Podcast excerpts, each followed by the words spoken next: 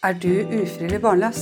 I denne podkasten vil du få råd, veiledning, kunnskap, forskning og ikke minst underholdning. Alt innen fertilitet og veien til ønskebarnet. Fra et terapeutisk perspektiv av meg, Tone Bråten, terapeut, veileder og forfatter og gründer av Fertilitetshjelpen. Og også fra et medisinsk perspektiv ved hjelp av gjesteekspert Jon Hausken fra Klinikk Hausken. Og ikke minst blir det episoder med høyaktuelle gjester. Velkommen til din nye podkast å lytte til. Velkommen til dagens episode av Fertilitetsrådet. En solrik dag på Lysaker sitter jeg her med doktor Jon Hausken, som er med i dag, og vi skal snakke om sæd og sædceller og bestilling av sæd i forhold til donor. Og det er det ikke så mange andre enn Jon Hausken som kan mer om, fordi han har holdt på med, med sæddonasjon siden 1992, og da var ikke jeg russ engang, så dette blir kjempespennende å høre om, Jon. Jo, takk for det. Jeg syns jo på en måte ikke 92 er så veldig lenge siden, men uh, det er gjerne det. Uh, ja, jeg holdt på med sæddonasjon siden 92 fordi at uh, jeg startet tidlig i Haugesund. Og Haugesund hadde drevet med sæddonasjon da i i alle fall 10-15 år før det. Og da var det egentlig bare Haugesund og Rikshospitalet som holdt på med sæddonasjon. Og da var det vel uh, anonym? Altså man fikk Eller var det åpen? Riktig. Da var det anonym, og det var veldig hysj-hysj. Sånn at dette gjorde vi på, på kveldstid. De kom inn litt sånn lurende inn i resepsjonen og, og, kom inn på Gunn Pol der uten at de var registrert. Det ble ikke lagt noen notater. Vi hentet fram et strå fra fryseren, lot det ligge litt og, og la det tine. og Så satte vi det opp i livmorhalsen, og så, og så gikk de ut. Så dette var veldig hysj-hysj, på en måte. Det var veldig hysj-hysj å levere sæd i 1992. Hvem er det ja. som kom? Ja, altså, det rykte seg jo alltid, vet du. Det er jo sånn at eh, det var jo det offentlige sykehuset, så det var jo ikke noe reklame ute på internett og, og sånn. Så, så, par de, de, de, snakker vel med hverandre på en måte òg den gangen. Sånn at det var, det var, alltid masse par som på en måte hadde behov for behandling. Ja, det var det, altså. Ja. Mm. Var det sånn, Fikk de noe for det, eller var det her Ja, altså Den gangen som nå, så brukte vi altså sædbank i Danmark. Og den lå jeg, den, den, sprang ut av Rikshospitalet i Danmark, men var liksom blitt en sånn privat greie og het Dansk sædbank. Det var der vi fikk eh, sæd fra. Og de hadde nok problemer med rekruttering i, i den tiden. Eh, sånn at vi fikk en dunk. Og den måtte vi på en måte klare oss med til vi fikk neste dunk, og vi visste aldri det. Så vi hadde ofte mange par som ringte har det kommet mer sæd fra Danmark. Nei, dessverre ikke denne måneden heller. Så akkurat det var litt, kanskje ikke så veldig mm. ideelt, men det var, det var, veldig spennende der på en måte. Akkurat som det er spennende i dag. Mm. Vi skal snakke litt om eh, Vi skal ta litt ulike perspektiv, tenker jeg. Altså, vi har jo heterofile par Eh, som får beskjed om at det er eh, svekka sædkvalitet eller ingen sperm, som blir nødt til å ha donor. Og så har vi de single som skal bestille seg eh, sperm, som jeg snakker mye med. Jeg lurer på om vi skal Og lesbiske. Og lesbiske. Ja. Selvfølgelig. Så vi har liksom det uttrykket lesbisk, er det et sånn vanlig Likekjønna lesbiske. Jeg pleier å spørre paret, jeg. Hva er det Hvordan vi Eller skeive. Jeg tror ja. veldig mange liker uh, ordet skeive. Jeg, jeg syns på en måte det er bedre. Akkurat som liksom lesbiske på en måte det, Har det en litt sånn, litt sånn negativ klang, egentlig, det ordet? Eller er det bare jeg som er så gammel? Jeg, jeg, nei, jeg veit ikke. Det er derfor jeg spør paret, faktisk. Altså, hva, hvordan, hvordan Da bruker jeg ofte likekjønna, merker jeg, i timer. Og så tar jeg da men, men det her, her, er jo et altså likekjønna par, eller, eller lesbiske eller skeive, altså de er jo kanskje det paret som er mest forberedt på å skulle ta sæddonasjon.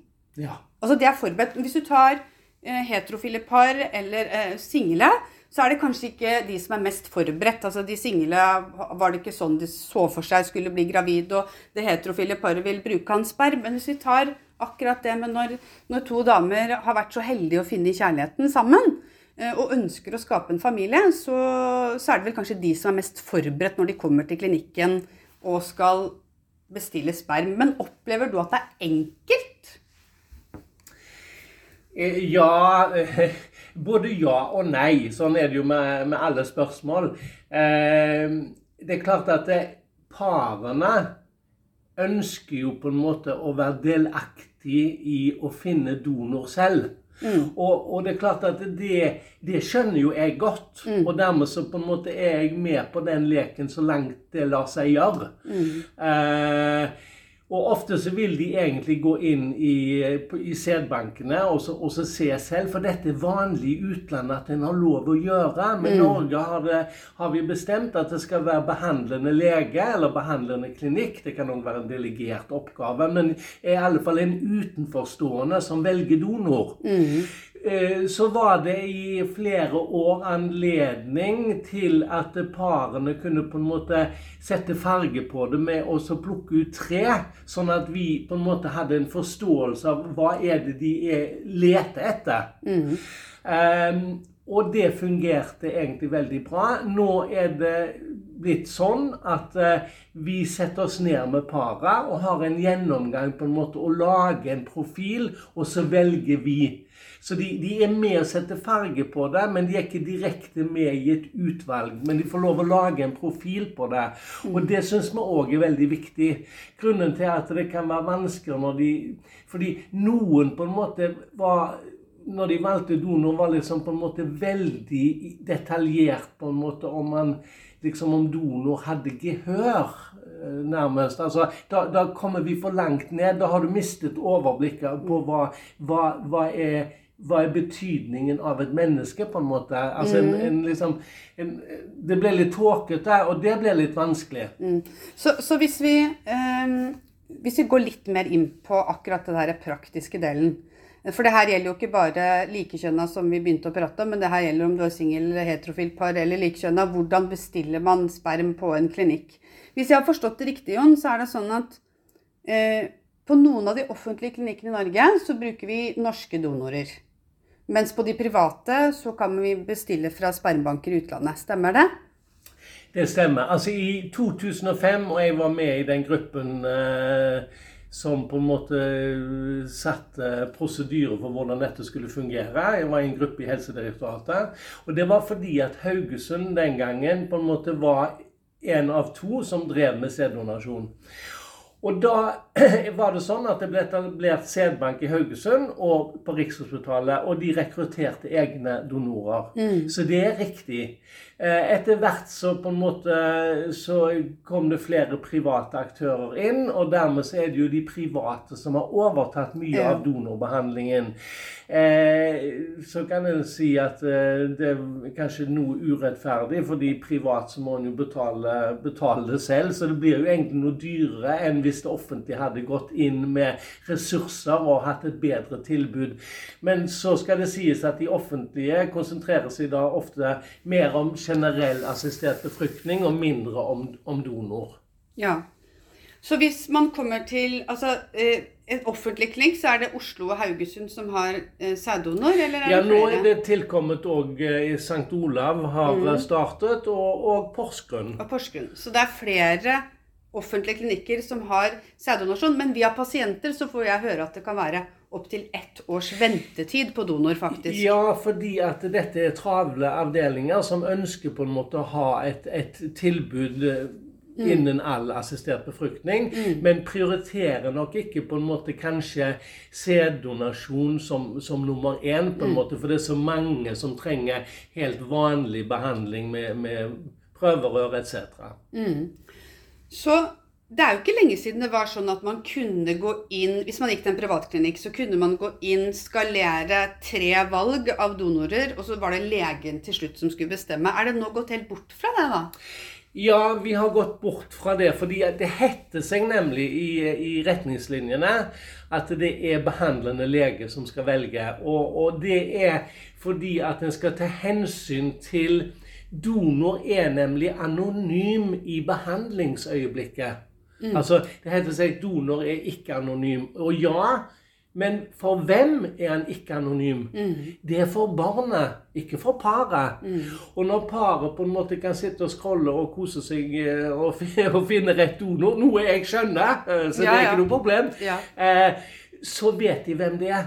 Fordi at eh, når du har 1000 opplysninger Mm. om donor, og på en måte, eh, som jeg nevnte, gehør for, eh, for pianostemning, eh, så vil du kunne finne ut av dette selv. Og det er det en skal liksom, etter norsk lov da, passe på at det er ikke paret, de skal ikke vite hvem donor er. Og så kan vi ha en lang diskusjon på om det er rett. Det er noe annet. Men så lenge det er slik, så må vi forholde oss til det. Og dermed for å tune det egentlig inn igjen, så, så, så stoppet vi dette med at de kunne velge tre. Eh, Medicus kjører fremdeles den, men de har økt til at du må komme opp med ti.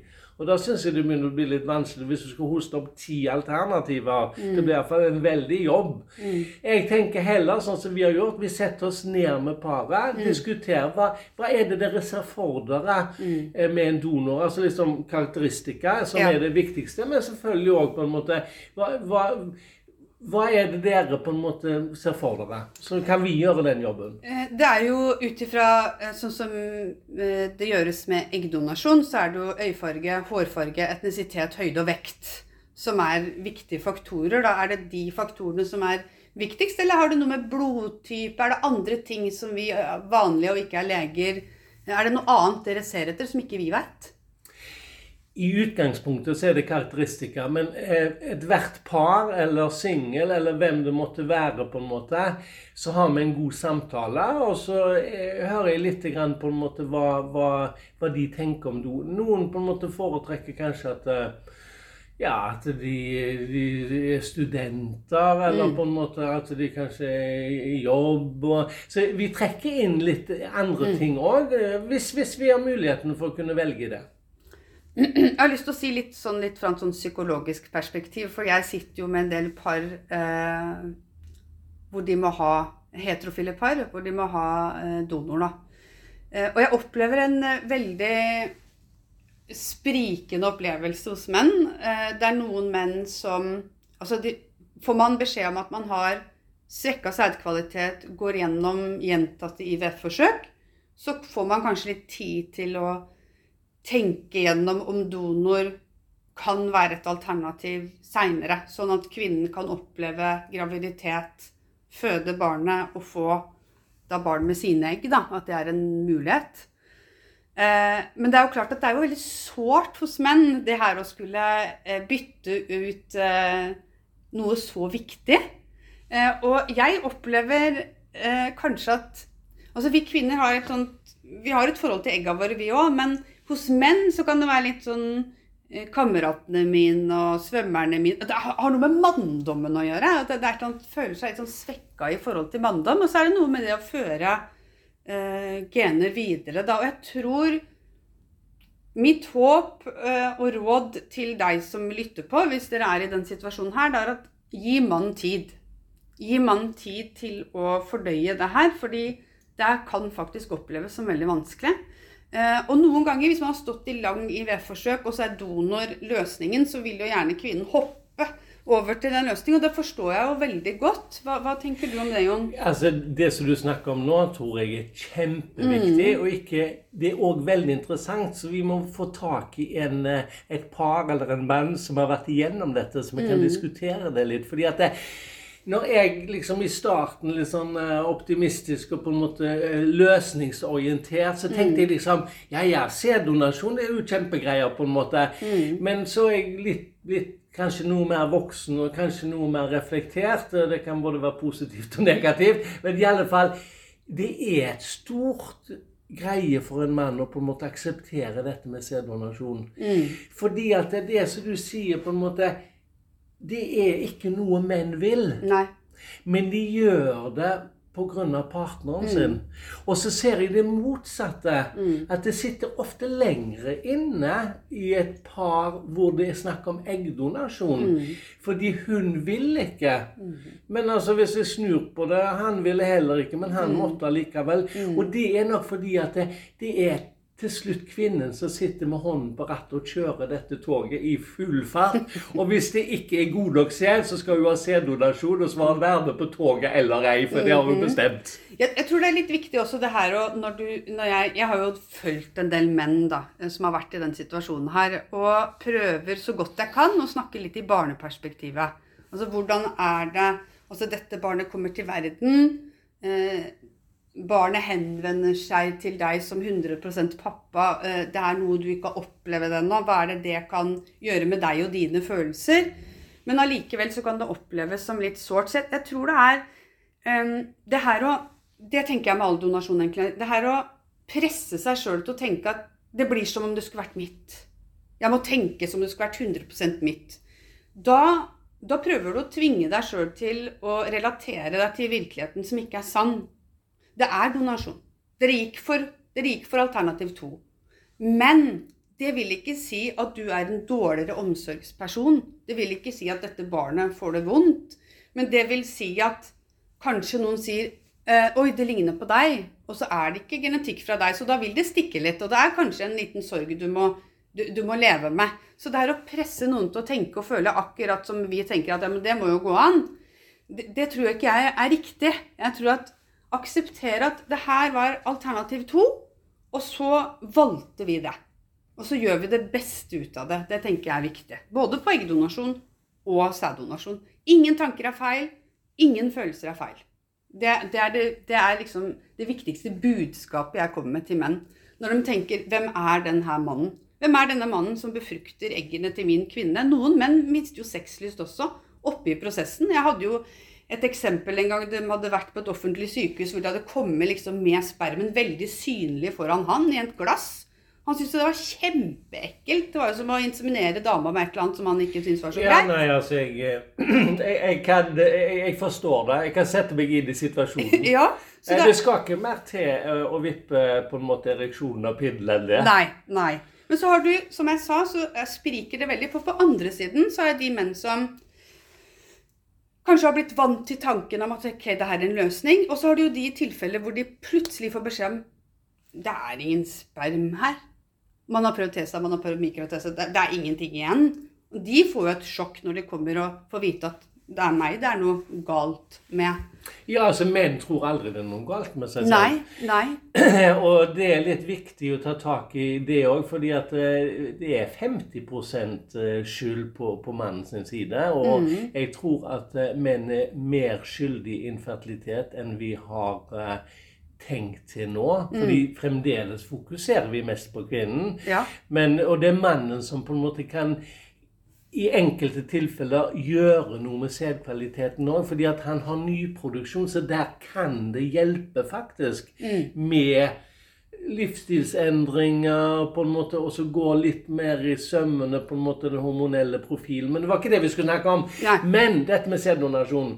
Fordi at eh, Ja, det er, det er bakoversveis for mannen å høre på en måte at mm. han uh, ikke kan bruke sine egne spermier. Og der kommer akkurat til de Det ene er den der eh, Ja, det er ikke spermier. Mm. Heldigvis, og i den gruppen, så er det som oftest noe produksjon likevel. Mm. Sånn at vi kan finne det i testikkelen. Og så sa jeg sånn fortesa, mikrotesa. Men ja. hva, hva, hva kan, si sånn kort hva det er for noe, Jon. Jo, altså Når det ikke liksom er spermier i et ejakulat eller en utløsning, mm så betyr ikke det at det ikke kan dukke opp en spermie i ny og ned, på en måte. Og ok, da vet vi det er noe produksjon, og det er den vanligste årsaken. Det er bare veldig, veldig dårlig produksjon, så derfor så, så kommer det liksom ikke noe ut. Men det kan hende det kommer en eller annen gang. Og de finner vi nesten alltid ved å ta et lite vevsbit fra testikkelen, dissekere det og lete, liksom, og så finner vi spermier der. Så de kan vi ofte hjelpe. Ja. ja. Så veldig mange kan hjelpes, men det er alltid noen da som vi ikke får hjulpet. Og så er det den andre gruppen. Det er de som faktisk har de har sædproduksjon som vi kan bruke, men det blir dårlig embryokvalitet. Mm. Og da sitter vi og klør oss i hodet. Ok, et dårlig embryo eh, Embryo blir jo lagd av et egg og en spermie. Mm. Og hvem sin skyld er det? Er det en kombinasjon, eller er det egget fordi Mm. nå er hun 37 år, eller hva det skulle være? Eller er det mannen? Mm. Og der har vi gått bom på flere ganger, fordi at eh, når vi gjør sånn DNA-fragmenteringstester, så Mm. viser det seg altså klink normal sædprøve. tenker liksom, Oi sann, han, han det veldig bra, da. Så er det dårligere likevel. Mm. Og det viser seg ofte da på kvalitet. Så derom er det sånn at det vil bli OK. Vi, vi må kanskje prøve donor her òg. Det som er så trist, som jeg ser, det er jo kanskje for at vi damer kan være litt sånn selvkritiserende ofte når vi møter motstand, og det er at eh, selv om man veit at det er dårlig sperm, da, og man er kanskje ung, 35 år, får ut mye egg, og så blir det en dårlig befruktning, men allikevel, selv om man vet at det er dårlig sædkvalitet, så legger kvinnene skylda på seg. Det, det, det er ganske litt sånn overraskende til tider, syns jeg, da. At ja, ja, men De sier det- det, er dårlig, men de sier det skal gå, så da må det jo være egga mine, da. De er veldig raske på det. Ja. Uh, og da tror jeg ofte at det kan Hvis vi har funnet noe med spermiene, så er det en medvirkende årsak Mm. Ja. til embryo. At man faktisk skal tenke på det. Men vi må over til Ja. sæddonasjon. Ja. For det, og det er klart at I et heterofilt par så er det her uh, altså årsak til at man eh, må velge donor. Og noen eh, vil sikkert altså Noen er sånn nei, vi vil ikke vite noe, mens andre vil vite mye. Og så er det vel sånn, vi må jo nevne det siden vi har om sæddonasjon. altså Hvis man ønsker å velge sæddonor, så kan man faktisk gjøre det i Danmark. Ja da, og, og det nevner jeg òg. Altså, ofte er det jo på en måte den, den praten om eventuell behandling med sæddonasjon, den går egentlig veldig mye om, om, om selve donor og prosessen rundt. fordi at det, det er så viktig å så vite det òg. Og, og ja, du kan reise til Danmark og velge litt mer selv. Du kan det. Ja, Men hva er det ordet barnerett? Det har jeg Ja, hørt barnerett. Det er altså følgende. For i Norge så er det bare lov at én donor kan gi opphav til seks familier. Og så er det for å holde kontroll på dette, da. Fordi sædbankene i Danmark de har jo forholdsvis stor produksjon, og de, de eksporterer masse spermier til Norge. Og siden det er mange klinikker som driver behandling, og vi gjør det jo samtidig, så må du ha en eller annen begrensning på salget. fordi at det, du kan ikke si det som ok, når vi har fått rapportert tilbake seks familier, så stopper vi den donoren. Det kan de ikke gjøre, fordi at det plutselig så er det blitt 15 familier. For det var, det var bare 15 par som brukte den donoren samtidig, og så ble alle gravide. ikke sant? Så derfor så legger de begrensninger før de selger. Så er det sånn. Denne donoren har seks rettigheter i Norge. Så hvis du som par kjøper denne donoren, så må du òg kjøpe en rettighet, for da krysses han ut, nemlig. For Ja. da er du liksom blitt en familie, selv om du ikke har fått barn ennå. Det er den eneste måten å, å, å holde kontroll på. Avgrense det på. Og så er det da at hvis, La oss si du ikke blir gravid med den donoren fordi at det var noe enten sånn eller sånn. Så er det jo ofte at noen går kanskje videre i prosessen og så tenker en skal vi bytte donor ut? Og da kan du veksle inn igjen den familieretten. Og hvis du ikke går videre, så kan du òg selge den familieretten tilbake, for du har jo ikke brukt den. Og dermed så frigjør du den for andre. Så det er på en måte noe du må kjøpe for å kunne få barn med den donoren. Jeg tenker, jeg hadde et par en gang som jeg må bare ta med deg, for jeg hadde et par en gang som var sånn Ok, vi vil ha denne donoren, men han skal ikke få lov å gi til noen andre i hele verden. Og, og det tror jeg kosta 300 000. Ja, altså jeg var Hvis man skulle få til det. Jeg Ja. mener det. Ja, men altså det Altså, Nå kommer vi inn på liksom business, og det liker Ja. vi jo aldri. fordi at det, her er det en, en gruppe som på en måte er avhengig av behandling, og så er det faktisk noen som skal tjene penger på det. Jeg kjenner òg den hatten av og til er litt klemmende. fordi at det, Ja, men vi må faktisk tjene penger for å kunne drifte virksomheten, prøver jeg da litt sånn forsiktig å si. Og marginene er ikke store. Eh, men på en måte, så det er nå den hatten. Men sædbankene, ja, fordi at når de har en donor, så kan det være at de produserer 100 strå. Eh, og 100 strå er jo egentlig da La oss si gang bare ta et beløp, da 6000. Det er jo 600 000 kroner. Kan da sædbanken, etter eh, liksom tjene da på den. Og hvis det da er et par som ønsker det er bare vi som skal ha denne donoren, så må faktisk den sædbanken si ok, da kan vi ikke selge til noen andre. Nei. Og dermed så blir prisen så høy. Men du, et strå. Altså, eh, si du er singel, du skal gjennom et eh, Du skal først prøve inseminering. Bestiller eh, sperm, som da dere har valgt donor, og så bestiller du et strå. Hva koster et strå, og hvor mye holder et strå til, hvis du må tenke på inseminering? Altså, ett strå er én behandling. Mm. Så om det er inseminering eller prøverør, da er det jo at vi henter ut egg, og så bruker vi disse spermiene på en måte til å befrukte utenfor kroppen, som det heter. Eh, hvorfor velger vi det? er kanskje nesten enda bedre spørsmål. Men prisen er sånn cirka, inklusiv barnerett og transport, så ligger et strå på bo- bortimot sånn 9 10 000 kroner. Ja, og da er det, da er det en inseminering eller et IVF-forsøk da, hvor man bruker det strået. Ja. Men det er jo litt sånn Si at uh, vi skal gjennom IVF, vi har kjøpt en trepakk, og vi ønsker Vi veit at vi ønsker søsken til dette barnet hvis vi er heldige å få Men vi vil ha samme donor, for det er veldig mange som syns det er viktig. At de får en genetisk knytning mellom barna sine. Er det mange som bestiller strå og liksom har lagra for seinere bruk? Ja, altså Det er det veldig mange som gjør, og det er òg noe som vi tar opp. Fordi at en, det er så mye å bestemme på en måte Ja, for ja. eller for, for, for kvinnen. Sånn at jeg pleier å si OK, hvor mange strå trenger vi? Mm. Og så begynner vi liksom å diskutere litt frem og tilbake og si OK, vi kan jo lykkes på første forsøk. Ja. Eller i verste fall så kommer vi aldri til å lykkes. Men ofte så ser vi når det gjelder behandling, vi ser det i en sånn rekke på tre behandlinger. At eh, vi, vi regner med at du skal på en måte komme i mål i løpet av tre behandlinger. Og lykkes vi på første, så er jo ingenting bedre enn det. Eh, og Derfor sier vi det kan være lurt å bestille tre strå når du først skal frakte det opp til Norge. For det er jo fraktpris òg, på en måte. sant? Ja. Og så sier jeg da videre OK, la oss si du blir gravid på strå nummer to. Så har du jo ett i, i, i backup. Det, men er det nok til å lage et barn nummer to hvis du ønsker samme donor? Eh, det kan det jo være, men ingen vet jo noe om en fremtid. Så kanskje ett strå litt lite å gå på. Så nå når du bestiller, så må en liksom tenke OK, skal vi ha flere barn med denne donoren? Og jeg sa at vi kanskje trenger tre strå per barn. Eh, Da må en jo kanskje bestille noen flere, da.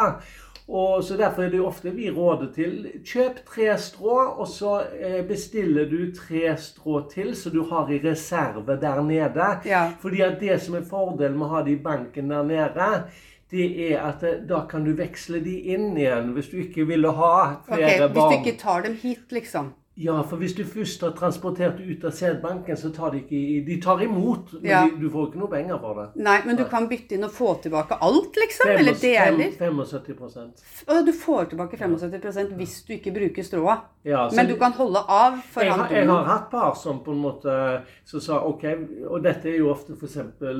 i likekjønnet par. Ja. De, eh, de ønsker jo på en måte kanskje å, å, bruke samme donor begge to. Ja. Eh, Og gjerne ett og kanskje to. Og de ser for seg tre barn òg. Så jeg har hatt, eh, jeg har hatt par som har bestilt 15 strå Ja, med en det? Mm. gang. Ja. Og så har jeg sagt OK, de ti stråene som vi har liggende der nede, Mm. de veksler vi inn igjen hvis vi ikke har bruk for dem. Men da har vi iallfall sikret oss denne donoren. Hvor mange år kan du ha liggende der, da? Så lenge du vil. Å ja. Det er ikke sånn som eh, hvis du fryser ned eggene dine, så har du så og så mange år den kan ligge der, liksom? Nei, det er jo ikke det på eggene heller lenger nå. Altså det er 46 år. Ja. Ja. Det var det, men nå glemte jeg noe viktig som jeg skulle si. Å nei! Nei, det var i den bestillingsgreien. Uh, uh, uh, nei, men det kommer sikkert opp. Ja. Og det som jeg har lyst til å si, det er jo Ok, vi snakker litt om her at eh, det er eh, Det er ikke mye vi får vite om donor her i Norge. Ja, det var det som var viktig.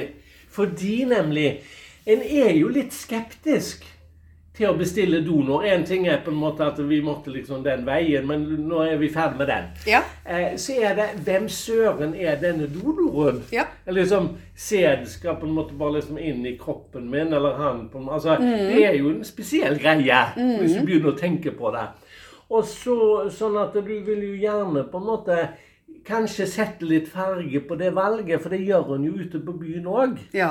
Eh, og da pleier jeg å si ja, men det er ikke alltid at det, selv om du har satt farge på det ute på byen, og du valgte en, at det kanskje var en sånn god kandidat når det kom til stykket likevel. Jo da, det er de nå enig i. Det er jo ikke alltid førsteinntrykket er så godt likevel.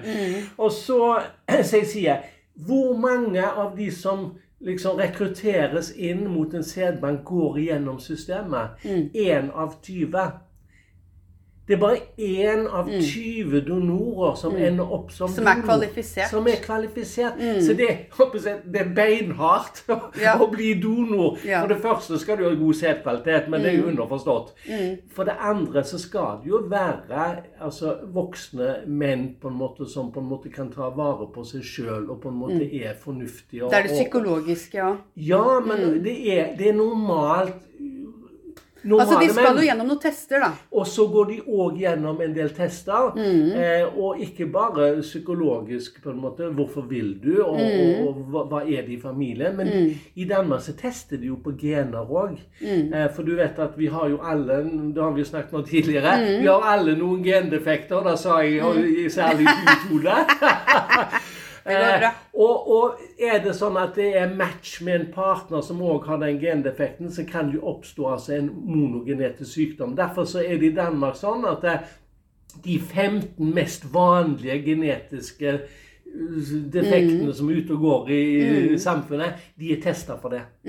Så, sånn at det, dermed, I Norge har vi ikke lov til det, men de er jo testa for det. Ja. Fordi at det, Hadde de falt gjennom der, så var det ut. Så, som vi kan si at det, ja, de danske donorene de er testa, så de har ikke det. Nei. Vi, vi har jo snakka om at uh, man som par uh, eller singel ikke får vite mye om donor her um, i Norge.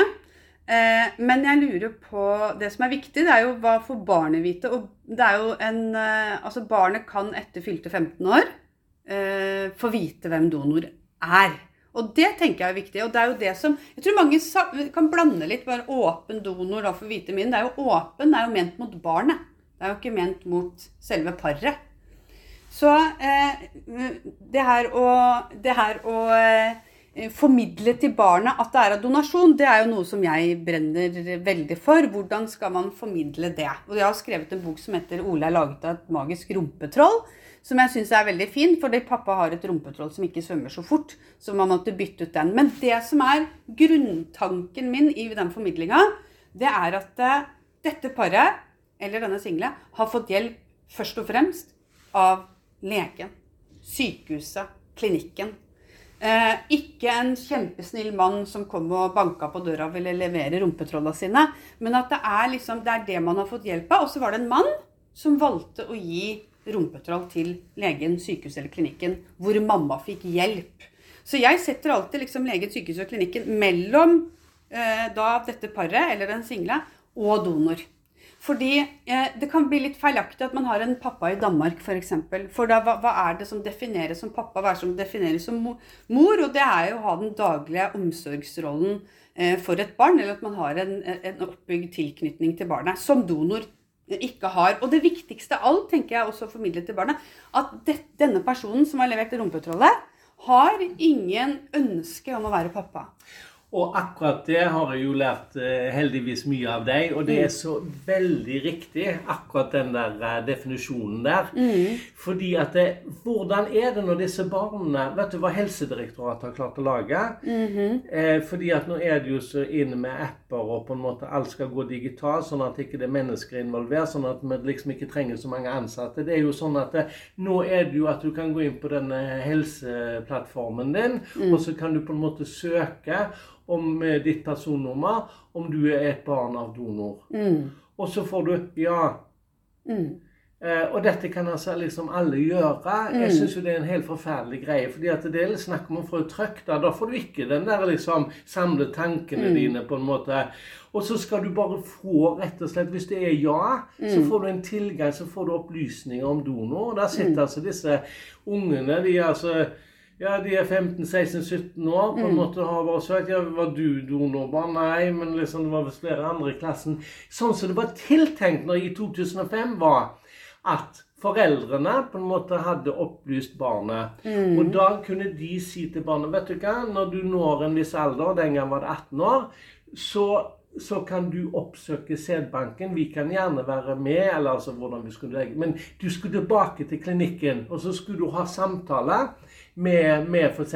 den behandlende lege, som da kanskje ikke var der, men en annen som da er, er til stede, og fortelle hvorfor var det slik vi gjorde. Fordi om 30 år Mm. så, det, så kan det jo være at sæddonasjoner sånn som vi gjorde det på vår tid, er helt sånn liksom merkelig. Ja, det kan kan godt hende. Liksom, fordi at kanskje det kom nye teknikker Ja. med å, å, å ordne dette på. Mm. Og da på den tiden, og da er det perspektivet ditt det Mm. rette. For da kan du sette de tankene på en måte i de rette rammene. Mm. Mens nå er det opp til Ja, blink, blink. Ja, du var barna Altså, er ikke det en sånn rett i trynet? da? Mm. Jo, men jeg tror at vi, vi har- jo en jobb å gjøre med å informere paret hvor viktig det er å formidle tidlig alder. For det er jo anbefalt å, å eh, formidle i alder mellom fem og åtte at man er barn av donasjon. Så hvis barnet vet fra før og lever liksom inn i det her som en naturlig del av barndommen sin, så tenker jeg at det kanskje eh, ikke er så ille, da. Nei, det, det har du jo rett i, selvfølgelig. Men allikevel så tenker jeg at det, Mm. De burde vært igjennom en samtale. Ja, og ikke bare en få samtale. liksom, boing, så får du på en måte Mm. opplysninger om donoren. Og så liksom skal du Altså, det vil være masse tanker i hodet, selv om du visste det. Veldig. Ja, ja. Og det de burde jeg. komme tilbake til klinikken og snakke med en som deg, eller en annen som er flink på en måte på det. Her er det nå bare liksom å, ja, Vi, var, vi må ivareta det når de får en såpass heftig, heftig informasjon, da. No, og så må vi ta med Det er veldig mange barn av donasjon som velger å ikke ta kontakt med donor. Ja, Også- og så er det en annen ting som òg er litt viktig. Ja. Her er det mye å snakke om. altså, fordi at det, Vi blir aldri ferdig. Nei, men tenk nå. Donor, selv om han er ikke anonym, Mm. har ikke akseptert at han vil ha noe med disse barna å gjøre. Nei. Mm. Og det kan jo bli en ny trøkk. Liksom, du har liksom gått igjennom eh, dette her på en måte, og liksom OK, har visst en har en, en som hjelper oss da i Danmark, og nå vil jeg ta kontakt. Fordi Mm. du er jo nysgjerrig. Og så får du en kald skulder, eller bare Mm. en dør rett i fleisen. Det blir jo traume nummer to. Men jeg tror det er viktig å, altså Derfor er det så viktig å få formidle til disse barna og til disse kommende foreldrene at eh, altså barnet kan få kjennskap til hvem donor er, men ikke relasjon til. Det kan nok bli en relasjon. Det er kan ikke, bli det. Det, det, det er ikke, det Men det er opp til donor. Det er opp til donor. Det er opp til donor. Så hvis donor mener nei, nei, det her er den mailen eller den telefonsamtalen eller det ene møtet, det er nok for Ja, og det kan jo være at på en måte, det er stort sett studenter, da. Mhm. Eh, og så, eh, så har de kanskje stiftet familie senere, og mm. på en måte De var genuint interessert i å hjelpe, Ja. men ikke på en måte ta noe mer ansvar. Nei, og de har ha. lagd sin egen familie, og det kan være forstyrrende. Mm. Eh, ja, sånn at det, Men det kan òg bli en god relasjon. Men vi vet ikke, og det må òg foreldrene vite. Sånn liksom ikke Mm. de tror det blir hallelujastemning liksom fordi barnet på en måte kan ta kontakt. Mm. Men det kan det bli. Ja, og jeg håper dere som lytter, eller du som lytter på denne podkasten, hvis, eh, hvis det her er informasjon som er eh, veldig nyttig, og du kjenner noen som er i den situasjonen her, så vær så snill og del at eh, dette her, denne informasjonen finnes på podkasten Fertilitetsrådet. Og jeg tror at vi har fått vi har fått en del sånne perspektiver inn. Er du lytter og tenker å, jeg vil høre mer om det her, eh, så, så skriv inn til oss eh, via Instagram eh, hvilke temaer eller problemstillinger dere vil vi skal ta mer tak i. Jeg tror vi på en måte har eh, romma temaet ganske godt i dag, jeg, Jon. Det har vi. Men her er det mange fasetter som vi faktisk skal diskutere videre. Ja. Da takker vi for oss i dagens episode av Fertilitetsrådet.